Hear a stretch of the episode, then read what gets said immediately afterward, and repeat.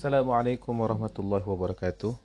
Bismillah walhamdulillah Wassalatu wassalamu ala rasulillah Wa ala alihi wa sahbihi wa mawala Sahabat-sahabat yang dimuliakan Allah subhanahu wa ta'ala Kita bersyukur bisa berjumpa kembali di serial Jejak Rasul. Kali ini sudah di episode yang ke-24 Ketika utusan Quraisy yakni Abdullah bin Abi Rabi'ah dan Amr bin As sedang mengupayakan segala macam lobby untuk memulangkan kaum muhajirin yang bermigrasi ke Habasyah. Lalu mereka menemui kegagalan di sana. Di Mekah juga banyak hal-hal yang menarik terjadi pada saat yang sama. Di antaranya adalah eh, menghadapnya beberapa orang Quraisy kepada eh, Abu Talib untuk kesekian kalinya melakukan upaya-upaya pendekatan ke Abu Talib agar mau mencabut perlindungan dari Rasulullah Sallallahu Alaihi Wasallam. Sebab inilah yang membuat mereka sulit untuk mengganggu dakwah Nabi, untuk mengganggu pribadi Rasulullah Sallallahu Alaihi Wasallam karena Abu Talib menjamin keamanannya. Mereka ini datang dengan tawaran yang sebenarnya agak aneh. Mereka membawa seorang pemuda, anaknya Walid bin Mughirah, namanya Imarah. Dia katakan kepada Abu Talib, Wahai Abu Talib, ini kami datang membawa pemuda yang paling eh, rupawan ini di kalangan kaum Quraisy, Imarah bin Walid bin Mughirah. Kami akan berikan dia kepada engkau tapi barter nih sama Muhammad. Ambillah dia, kamu dapat suka-suka kamu berbuat atasnya, kamu ikat ke atau kamu bebaskan, apa kamu angkat dia sebagai anakmu. Pokoknya Imarah ini jadi milik engkau sekarang. Nah, sedangkan Muhammad engkau serahkan kepada kami karena kami memang tidak senang kepada ponakanmu ini dia sudah menyelisihi agama kita, agama nenek moyang kita dan mencerai beraikan persatuan di antara uh, orang-orang Quraisy ini. Nah, lalu Abu Talib menjawab, uh, Wallahi, Nabi sama tasumu nani. Demi Allah, jelek betul tawaran kalian kepada kepada saya. Ini murahan banget. Apa? Apakah kalian ini mau berikan anak kalian kepada saya agar saya kasih makan? untuk kepentingan kalian. Lalu anakku, ponakanku aku berikan kepadamu agar kamu bunuh. Ya nggak mungkin, ini tidak akan pernah terjadi. Lalu uh, dijawab oleh seorang yang namanya Mut'im bin Adi, Abu Talib, wallahi ini satu yang adil kepada engkau. Kami ingin bebaskan engkau dari sesuatu beban yang engkau juga tidak suka. Kenapa tidak mau terima tawaran kami? Maksud Mut'im bin Adi, Abu Talib pun mengalami kesusahan toh dengan uh, melindungi Nabi Muhammad SAW sementara dia secara pribadi pun tidak setuju dengan apa yang dibawa oleh Rasulullah. Tapi kata Abu Talib, kalian ini bukan tidak adil sama sekali. Demi Allah kalian ini tidak berbuat yang adil, tapi kalian ini menghina saya, menghina saya dan membuat saya berkonfrontasi dengan Quraisy seluruhnya. Sebab itu saya tolak semua ini. Silahkan kalian lakukan apa pun yang akan kalian lakukan. Ah, lalu untuk kesekian kalinya pendekatan kepada Abu Talib gagal lagi. Maka uh, orang-orang ini ya sudah desperate ya, sudah putus asa. Lalu uh, kekerasan demi kekerasan pun mulai dilakukan kepada pribadi Nabi yang tadinya mereka masih segan dengan perlindungan Abu Talib dan mereka masih juga menaruh hormat sedikit banyaknya kepada diri Rasulullah SAW yang pernah dijuluki sebagai Al-Amin dan tidak hilang julukan itu. Sekarang mereka melakukan hal-hal yang di luar batas karena sudah kehabisan akal. Apalagi pada saat itu Rasulullah sudah mulai terang-terangan tuh menampakkan aktivitasnya ke hadapan kaum Quraisy. Artinya Rasulullah SAW uh, eh, beribadah di sisi Ka'bah, beliau sholat dan berdoa di sana itu disaksikan oleh mereka. Rasulullah tidak bersembunyi lagi Meskipun para sahabat-sahabat masih menyembunyikan diri untuk melindungi keselamatan mereka. Tapi Rasulullah SAW sebagai pribadi, beliau sudah mendapatkan ayat dari Allah Subhanahu Wa Taala, yakni di surah An-Nahl, Allah katakan fasda' bima tu'mar wa'rid anil jahilin. Maka sampaikanlah olehmu segala apa yang diperintahkan Allah kepadamu dan berpalinglah dari orang-orang yang musyrik. Banyak peristiwa serangan langsung kepada Rasulullah SAW di antaranya dilakukan oleh Utaibah bin Abi Lahab. Orang ini memang tidak punya sopan santun. Dia pernah menikah dengan anak Nabi, pernah menjadi menantunya Rasulullah atau dalam uh, versi lain menjadi calon menantu karena bertunangan dengan anak Rasulullah. Lalu kemudian karena kebencian Abu Lahab juga istrinya dan sekeluarga itu kepada Rasulullah SAW, maka uh, dua putranya yakni Utbah yang kemudian hari masuk Islam dan Utaibah ini uh, itu disuruh menceraikan anak Rasulullah yakni Ruqayyah dan Ummu Kulsum. Dalam riwayat yang lain dikatakan memutuskan pertunangan. Allah subhanahu wa taala. Utaibah ini mendatangi Rasulullah uh, lalu dia katakan aku mengingkari itu semua yang kau katakan firman Tuhan terutama yang disebut wan najmi ida hawa. Kita tahu surah An-Najm ini adalah satu surah yang fenomenal karena ketika membaca surah ini lalu kemudian diakhiri dengan sujud uh, tilawah orang-orang Quraisy itu ikut sujud karena terpana dengan bacaan Rasulullah Shallallahu Alaihi Wasallam. Ini pula yang tempo hari kita bincangkan bahwa uh, disalahfahami berita ini oleh kaum muhajirin yang berada di tanah Habasyah bahwa orang-orang Quraisy sudah menerima Islam lalu mereka pulang dan ternyata hal itu tidak uh, sama seperti apa yang mereka uh, duga selama ini. Nah, uh, lalu Utaibah tidak hanya menistakan ayat Allah, dia merobek baju Rasulullah serta meludahi wajah Rasulullah meskipun tidak kena pada saat itu. Nah, Rasulullah sebenarnya Rasulullah SAW bisa saja langsung melawan secara fisik karena dia punya kemampuan untuk itu. Beliau orang yang sangat kuat. Ada riwayat-riwayat uh, tentang beliau bahkan memenangkan gulat dengan Rukanah, seorang jagoan Quraisy.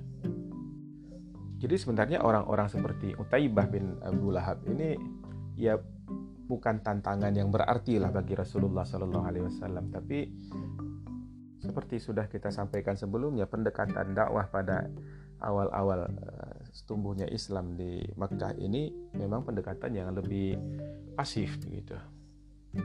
Di dalam tafsir Ibnu Katsir diriwayatkan dari Ibnu Asakir bahwa ketika itu Rasulullah SAW berdoa, Allahumma ba'ath ilaihi eh, kalban min kilabik. Ya Allah, engkau utuslah kepada dia ini, engkau kirimkanlah kepada si Utaibah ini seekor anjing dari anjing-anjing ciptaanmu ya Allah. Artinya biar dia diterkam anjing begitu. Abu Lahab yang uh, mendengar kabar bahwa Nabi berdoa demikian mengatakan kepada anaknya, wahai anakku ya bunaya, wallahi ma amanu alaika du'a'u. Uh, kau tak akan selamat ini dari doanya. Karena mereka betul-betul yakin bahwa Rasulullah SAW itu punya doa yang mustajab. Nah ini memang ganjil sifat orang-orang kafir ini satu sisi mereka percaya tapi sisi lain mereka menolak kepercayaan yang sudah masuk ke dalam hatinya itu sekeras-kerasnya. Mereka menolak kebenaran karena itu mereka dikatakan kafir yakni menolak dan menutup-nutupi kebenaran. Di satu hari Utaibah keluar bersama beberapa rekannya orang Quraisy dan uh, singgah di satu tempat di Syam namanya Az-Zarqa. Uh, pada malam itu di daerah itu banyak singa yang berkeliaran lalu melihat singa berkeliaran ini Utaibah tiba-tiba berseloroh Wahai kawan-kawan ini celaka ini ini mungkin yang men, yang akan memangsa saya sebagaimana yang didoakan Muhammad dulu. Dia membunuhku dari Makkah. Aku sedang di Syam tapi dia bunuh saya katanya. Jadi Utaibah merasakan takut yang amat sangat pada saat itu dan benar seekor singa itu lalu datang uh, menerkam dia di tengah kerumunan orang dan uh, diterkamlah kepalanya lalu Utaibah pun tewas. Jarang-jarang singa menyerang rombongan begitu, tapi ini adalah yang dijanjikan oleh Allah Subhanahu wa taala atau uh, ijabah atas doa Rasulullah Shallallahu alaihi wasallam yang disakiti oleh orang ini. Di saat yang lain lagi ada orang bernama Uqbah bin Abi Mu'id itu menginjak uh, pundak Rasulullah SAW kuat-kuat ketika beliau sedang sujud. Bahkan digambarkan oleh para sahabat itu sampai hampir kedua biji mata Rasulullah keluar. Maksudnya itu sangat keras sekali injakannya, itu sangat menyakitkan. Dan yang tidak kalah eh, sengit juga itu Abu Jahal tentunya. Suatu hari Abu Jahal lewat eh, di depan Rasulullah SAW di sofa, lalu di sana dia mencaci maki Rasulullah sejadi-jadinya dan Rasulullah diam saja. Tidak cukup mencaci, dia pun merasa perlu menyakiti secara fisik, maka beliau pukul kepala Rasulullah dengan batu sehingga uh, mengalirlah darah beliau dari luka di kepalanya itu.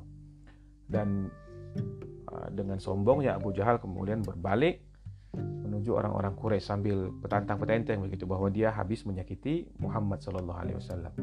Kejadian itu dilihat oleh seorang budak perempuan uh, Abdullah bin Juda'an lalu pada saat itu ya seperti sudah kita sampaikan sekilas sebelumnya dari luar kota datanglah Hamzah yang baru pulang berburu, masih menenteng busur panah. Lalu eh, sang wanita ini karena simpatinya kepada Rasulullah SAW mengatakan kepada Hamzah, eh, apakah engkau diam saja? Andai engkau lihat wahai Hamzah tadi Abu Jahal itu mencaci dan melecehkan ponakanmu di sini dan dipukulnya kepalanya hingga berdarah. Maka Hamzah naik emosinya, dia meradang, dia datang kepada Abu Jahal di tengah-tengah kumpulan itu. Dia katakan, apa kau caci maki ponakanku padahal aku ini sudah beragama dengan agamanya. Aku ini berkata dengan apa yang dia katakan. Semua yang dia katakan itu saya benarkan. Maka dipukul oleh uh, Hamzah kuat-kuat kepala Abu Jahal itu dengan tangkai busur sehingga sobek. Nah, silakan kau balas kalau kau sanggup katanya. Jadi di situ sedang berkumpul juga rekan-rekan dan saudara-saudara Abu Jahal dari Bani Makhzum. Mereka bangkit mau berdiri melawan tapi kata Abu Jahal biarkan sajalah Abu Imarah ini. Abu Imarah adalah kunyahnya Hamzah. Uh, karena memang aku sudah mencaci saudaranya dengan cacian yang menyakitkan. Nah, uh, Hamzah memang orang yang sangat pemberani. Dia adalah jagoan besar di Quraisy dia adalah orang yang orang akan berpikir dua tiga kali untuk melawan Hamzah. Dan keislaman Hamzah itu pada awalnya hanyalah pelampiasan uh, rasa apa ya rasa ghirah begitu. Orang yang tidak sudi keluarganya dihina-hina tapi kemudian Allah lapangkan dananya seperti kata Allah Subhanahu wa taala dalam Al-Qur'an "May yuridillahu yahdiyahu yashrah sadrahu lil Islam." Barang siapa yang Allah ingin tunjukkan, Allah ingin berikan hidayah, maka Allah akan lapangkan hatinya kepada Islam dan Hamzah adalah orang yang Allah lapangkan hatinya kepada Islam. Dia berpegang teguh kepada Urwatul Wuthqa kepada Islam dan dia menjadi kebanggaan kaum muslimin. Beliau ini adalah ahlul bait, beliau adalah paman Nabi, beliau adalah sekaligus saudara sesusuan Rasulullah wasallam. Beliau juga adalah orang yang berjuluk Asadullah, singanya Allah Subhanahu wa taala. Nah, ada hadis riwayat Ibnu Abbas radhiyallahu anhu nah, riwayat uh, Imam Hakim, hadis ini hadis sahih. Uh, berkata Rasulullah SAW, Sayyidus Syuhada Hamzah bin Abdul Muttalib. Sayyidnya, penghulunya, petingginya, pimpinannya para syuhada, para orang-orang yang mati syahid adalah Hamzah bin Abdul Muthalib. Menjadi orang yang syahid saja itu sebuah kehormatan besar. Tapi Hamzah adalah penghulunya, orang yang paling mulia di antara sekalian syuhada. Nah, tiga hari setelah keislaman Hamzah itu, masuk Islam lagi orang yang seperti Hamzah juga kuatnya, namanya Umar bin Khattab radhiyallahu anhu. Umar adalah nama besar di dalam uh, sejarah Islam. Bisa kita katakan nama Umar adalah nama terbesar kedua setelah nama Rasulullah Sallallahu Alaihi Wasallam. Memang secara derajat kemuliaan, uh, ketakwaannya kepada Allah Subhanahu Wa Taala dan kedekatan dengan Rasulullah SAW masih ada satu nama lagi yang lebih daripada Umar yakni Abu Bakar As-Siddiq radhiyallahu taala anhu. Eh, beliau adalah orang yang diakui oleh Umar bin Khattab sendiri bahwa Umar sampai lelah pun tidak dapat menyayangi eh, hebatnya amal-amal saleh Abu Bakar As-Siddiq. Tapi Abu Bakar uh, tidak sempat berperan banyak pasca wafatnya Rasulullah SAW karena beliau hanya dua setengah tahun kemudian juga wafat. Sementara Umar mendapatkan porsi peran yang agak panjang sehingga nama Umar itu menjadi legenda di kalangan umat Islam begitu besar namanya karena begitu banyak pula karya uh, pencapaian dan ijtihad yang dibuat oleh uh, pemimpin besar ini Umar bin Khattab radhiyallahu taala anhu. Umar ini adalah uh, anak Khattab. Garis keturunannya begini, Umar bin Khattab bin Nufail bin Abdul Uzza bin Rabah bin Abdullah bin Qurt bin Razah bin Adi bin Ka'ab bin Lu'ay bin Ghalib al-Quraisy al-Adawi. Nasabnya itu bersambung dengan Rasulullah pada Ka'ab bin Lu'ay nah, jadi generasi ke-8 ke atas dia bertemu dengan Rasulullah SAW ya, dia sering juga dikenal dengan Abu Hafs uh, dengan sesuai dengan nama anaknya Hafsah Umar lahir tahun 13 uh, pada tahun gajah jadi 13 tahun lebih muda dari Rasulullah SAW. Pada saat beliau masuk Islam ini umurnya 26 menuju 27 tahun.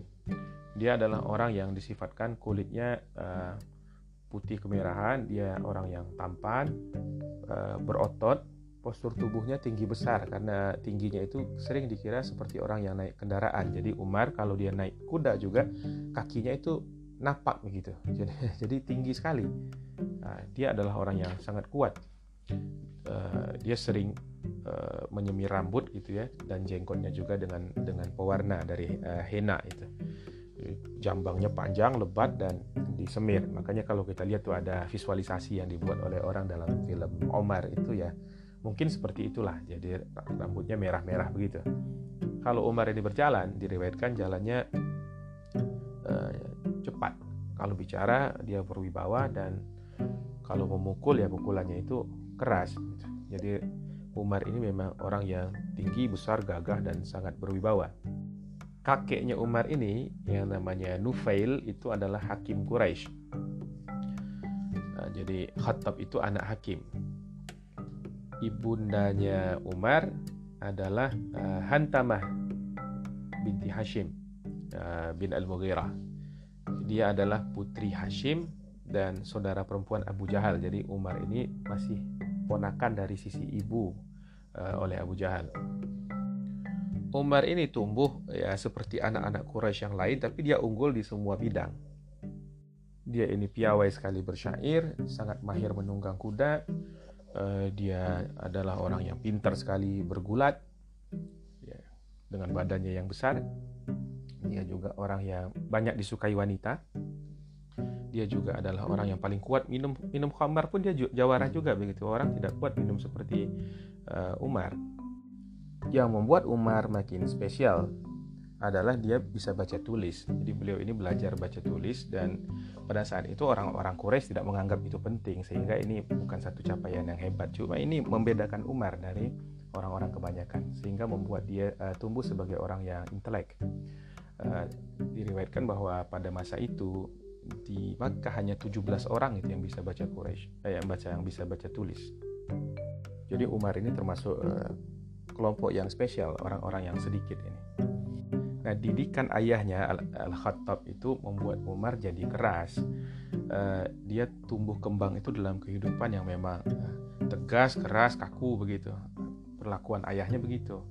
Jadi uh, inilah yang meninggalkan satu kepribadian yang membekas pada diri Umar. Jadi Umar itu memang uh, cenderung keras dan sedikit kasar begitu. Ini yang kemudian uh, pernah beliau ingin melamar uh, anaknya Abu Bakar As-Siddiq yang namanya Ummu Kulsum. Lalu Umar uh, menyampaikan lamaran itu lewat uh, melayangkan surat kepada Ummul Mukminin Aisyah radhiyallahu taala anha.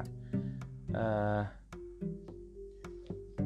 melalui Aisyah kemudian disampaikan lamaran itu tapi kata Ummu Kulsum saya nggak mau menikah dengan Umar Kenapa? Hidupnya itu sangat keras dan kasar. Jadi Ummu Kulsum merasa eh, tidak akan kuat dengan Umar. Lalu uh, Aisyah minta tolong untuk menyampaikan ini kepada Amr bin As. Dan Aisyah juga nggak enak kepada Umar. Lalu Amr bin As menyampaikan bahwa Ummu Kulsum uh, kayaknya nggak cocok deh dengan kamu Umar. Gimana kalau kita cari Ummu Kulsum yang lain? Ternyata Ummu Kulsum yang dimaksudkan oleh uh, Amr bin As adalah putri Ali bin Abi Thalib dan Fatimah binti Rasulullah. Jadi cucunya Rasulullah Wasallam. Lalu uh, Umar melayangkan lamaran itu kepada Ali bin Abi Thalib dan diterima. Maka Umar pun menjadi menantu Ali dan diberikan mas kawin pada saat itu 40 ribu dirham. Itulah anak uh, Umar dari uh, Ummu Kulsum. Dia punya dua orang anak namanya Zaid dan Ruqayyah. Dan Umar sayang sekali dan hormat sekali kepada Ummu Kulsum. Tidak ada itu kekasaran. Jadi kekasaran itu hilang. Kenapa? Karena Umar sangat hormat apalagi Ummu Kulsum adalah cucunya Rasulullah Shallallahu Alaihi Wasallam. Saking membekasnya pendidikan keras dari Al Khattab itu Umar sering terkenang-kenang itu suatu ketika ketika beliau sudah menjadi Amirul Mukminin beliau berjalan dan ini diceritakan oleh Said bin Al Musayyab uh, Umar waktu itu uh, menunaikan haji lalu lewat di satu tempat di Bukit Dajanan. Dia katakan tiada Tuhan selain Allah. Dia maha tinggi lagi maha besar. Dia berikan apa saja yang dia kehendaki. Dulu di sini aku menggembala unta milik Al-Khattab, milik ayahnya. Di lembah ini, aku pakai pakaian wol kasar.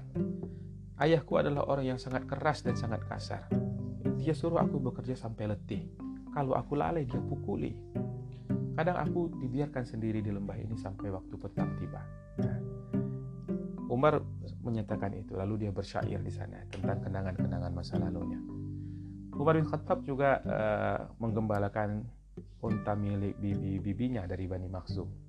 Dan waktu beliau jadi Amirul Mukminin, dia pernah bercerita di depan orang-orang. Lalu ada yang menyampaikan, Umar, kenapa engkau rendah-rendahkan dirimu?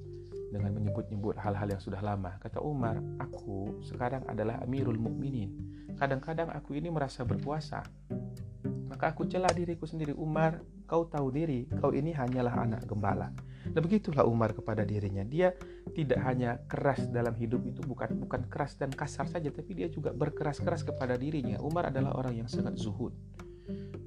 Nah, pada saat Islam hadir itu, Umar menentangnya, bahkan dia uh, ikut juga uh, menyiksa beberapa orang. Cuma siksaan-siksaan itu kadang mendatangkan satu hal yang juga uh, luka di hatinya, karena Umar di luarnya kasar, di dalamnya lembut. Gitu.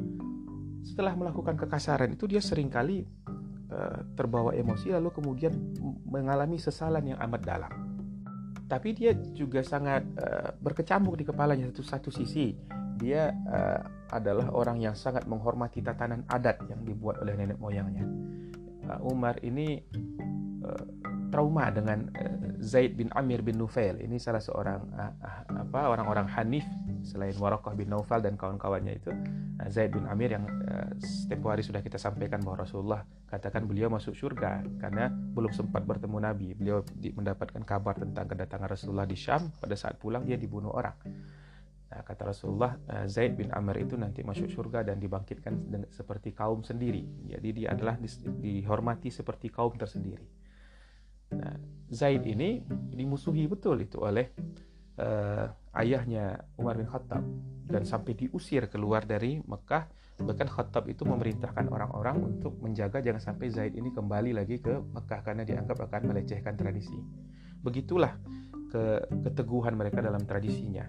Umar sendiri tidak terlalu fanatik terhadap berhalanya, tapi terhadap tradisinya. Dia menganggap ini sebuah tatanan sosial yang sudah baku, yang kalau dirusak itu akan menimbulkan uh, perpecahan dan uh, instabilitas pada uh, bangsanya. Sekalipun Umar ini jauh berjalan, beliau juga pedagang. Beliau ini juga pedagang, dia juga uh, mendapatkan untung dari perdagangannya itu meskipun tidak itu yang dikejar Umar uh, secara penuh gitu. Dalam perdagangan-perdagangannya yang jauh tidak hanya ke Yaman atau ke Syam dia sampai ke wilayah-wilayah Persia juga pergi berdagang. Di situ nanti dia sempatkan untuk bertemu orang-orang besar berdiskusi mencari bahan-bahan bacaan sehingga dia menyerap pengetahuan yang amat banyak. Jadi Umar ini orang yang melek literasi dan dia juga adalah orang yang sangat banyak menguasai ilmu pengetahuan dari berbagai perjalanannya ke daerah-daerah itu. Dia mengerti apa yang dilakukan orang Yahudi dia paham apa kepercayaan orang Nasrani tapi dia menganggap orang-orang seperti Warakah yang memilih masuk agama Nasrani itu sebagai orang-orang yang ya nonsens begitu. Kita orang Arab lalu kita bertradisi seperti ini seperti apa yang sudah ada pada diri kita. Jadi Umar ini punya nasionalisme sendiri. Dia menentang uh, masuknya elemen-elemen luar kepada bangsa Arab tapi di satu sisi Umar juga kagum sekali terhadap uh, mental baja kaum muslimin dalam menjaga keyakinannya dan sebagai orang yang punya rasionalitas yang baik, Umar juga kadang beranggapan bahwa bisa saja ini kebenaran. Jadi hidayah yang datang kepada Umar ini unik nih, lewat pemikiran-pemikiran dan lewat kejadian-kejadian uh, yang uh, perlahan. Awalnya yang nampak sekali adalah ketika orang-orang mau hijrah.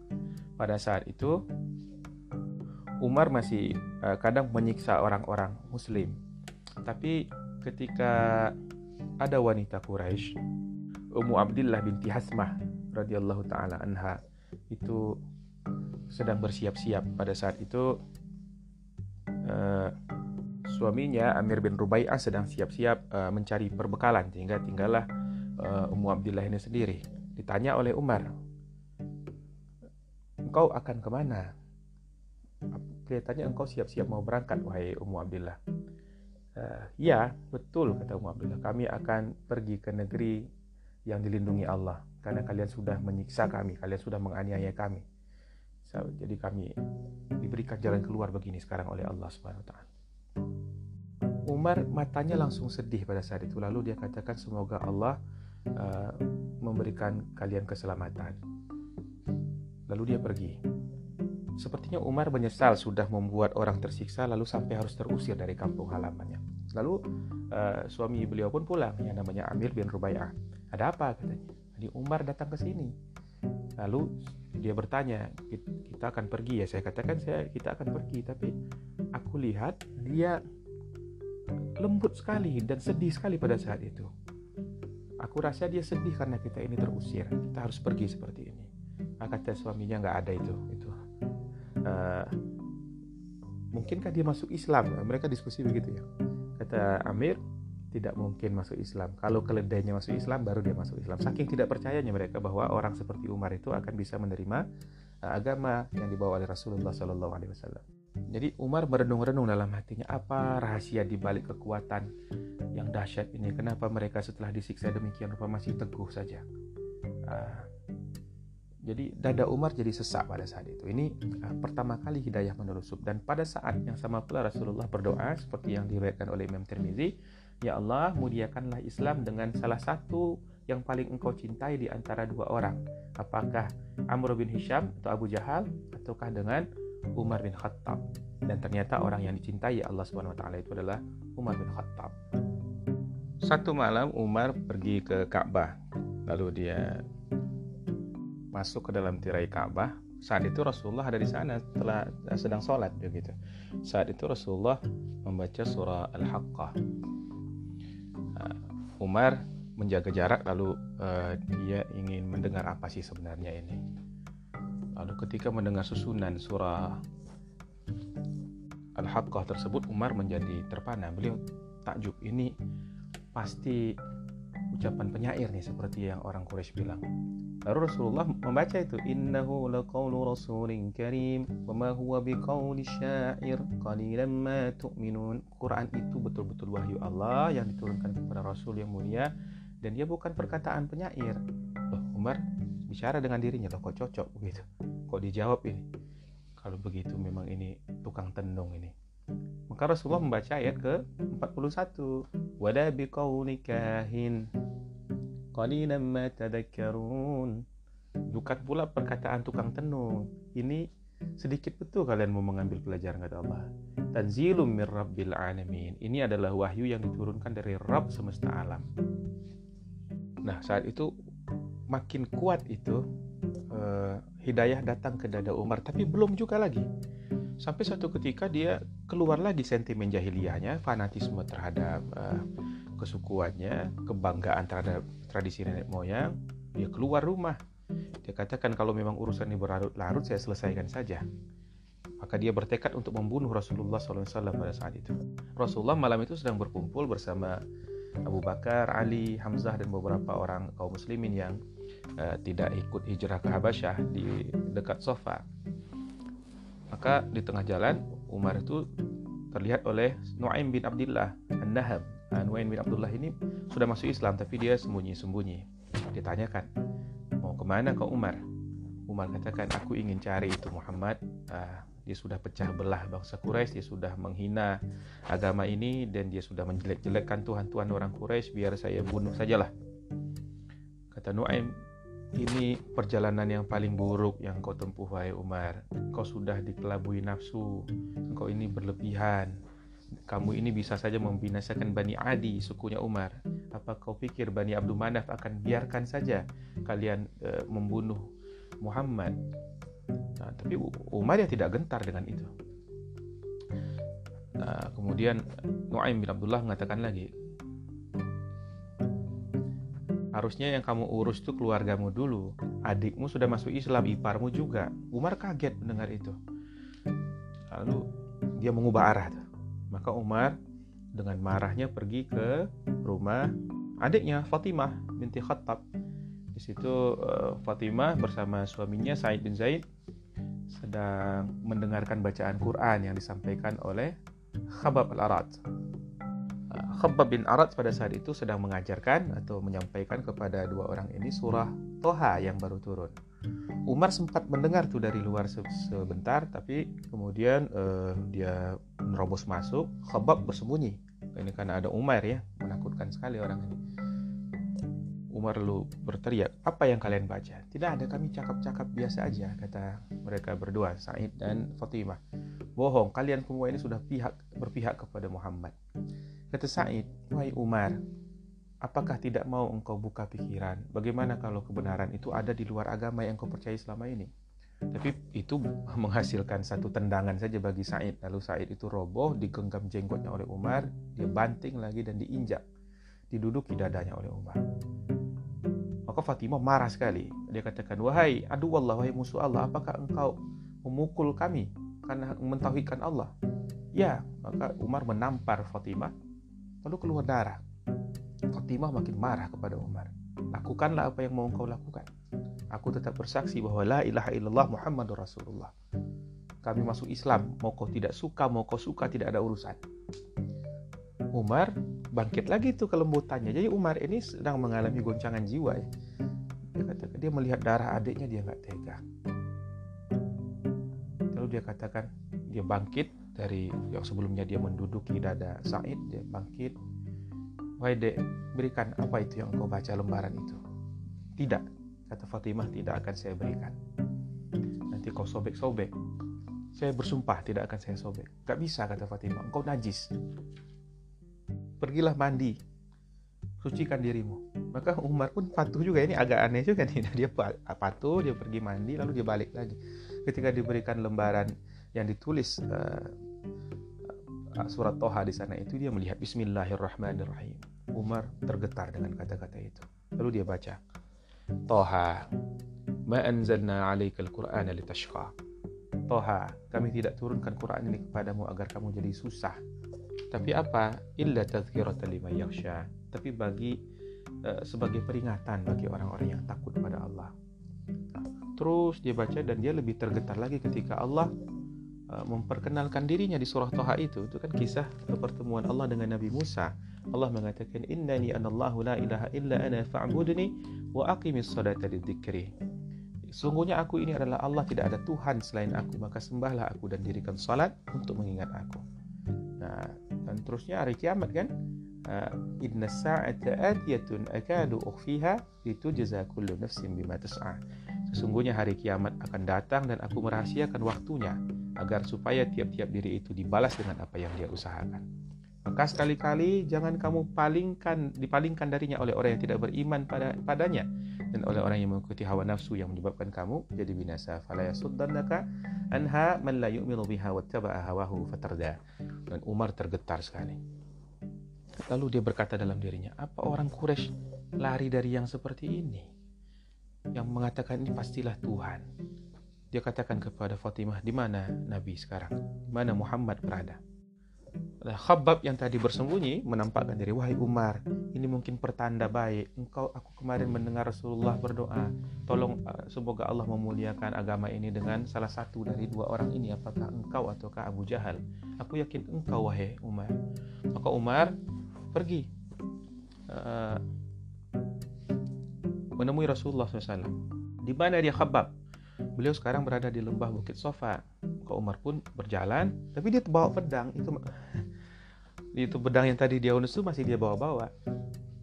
Sampai di rumah itu uh, Umar mengetuk pintu. Para sahabat mengintip lalu berdesak Umar Umar Umar bin Khattab. Uh, tapi di situ ada tandingannya ada Hamzah. Hamzah tenang saja. Hamzah sama sekali tidak takut. Buka pintunya kata Hamzah. Umar bin Khattab itu suruh masuk. Kalau dia mau kebaikan kita akan perlakukan dia baik tapi kalau dia menghendaki yang lain, aku akan bunuh dia dengan pedangnya sendiri. Nah itu, itu Hamzah. Kaum mukminin pun merasa tenang. Ketika uh, Umar masuk, maka dia disambut oleh Rasulullah dengan ditarik uh, sabuknya itu secara kencang oleh Rasulullah lalu didekap dan dibanting. Kata Rasulullah, apa yang membuat kau ke sini? Apakah kau ingin dibinasakan oleh Allah? Tidakkah engkau mau men, apa, mengikuti kebenaran? Rasulullah itu sangat kuat meskipun itu Umar yang besar. Umar merasa dibetot oleh kekuatan yang sangat besar begitu. Kata Umar, "Ya Rasulullah, saya tidak ada maksud buruk. Saya ke sini untuk mempersaksikan bahwa aku beriman kepada Allah dan aku bersaksi engkaulah rasulnya." Maka Rasul pun bertakbir, Allahu Akbar. Para sahabat pun semua merasa senang dengan uh, masuknya Umar. Mereka merasa mendapatkan kekuatan. Nah, inilah keislaman Umar yang seterusnya ini akan menjadi kekuatan besar bagi kaum muslimin. Insyaallah kisah-kisah tentang Umar akan kita sambung pada episode berikutnya. Tapi yang jelas keislaman Umar membawa satu warna baru dan babak baru bagi dakwah Islam seperti yang disampaikan Abdullah bin Mas'ud radhiyallahu anhu bahwa kami senantiasa merasakan izzah sejak masuk Islamnya Umar bin Khattab radhiyallahu taala anhu. Insyaallah kita jumpa lagi pada episode selanjutnya. Subhanakallah wa bihamdika asyhadu an la ilaha illa anta astaghfiruka wa atubu. Assalamualaikum warahmatullahi wabarakatuh.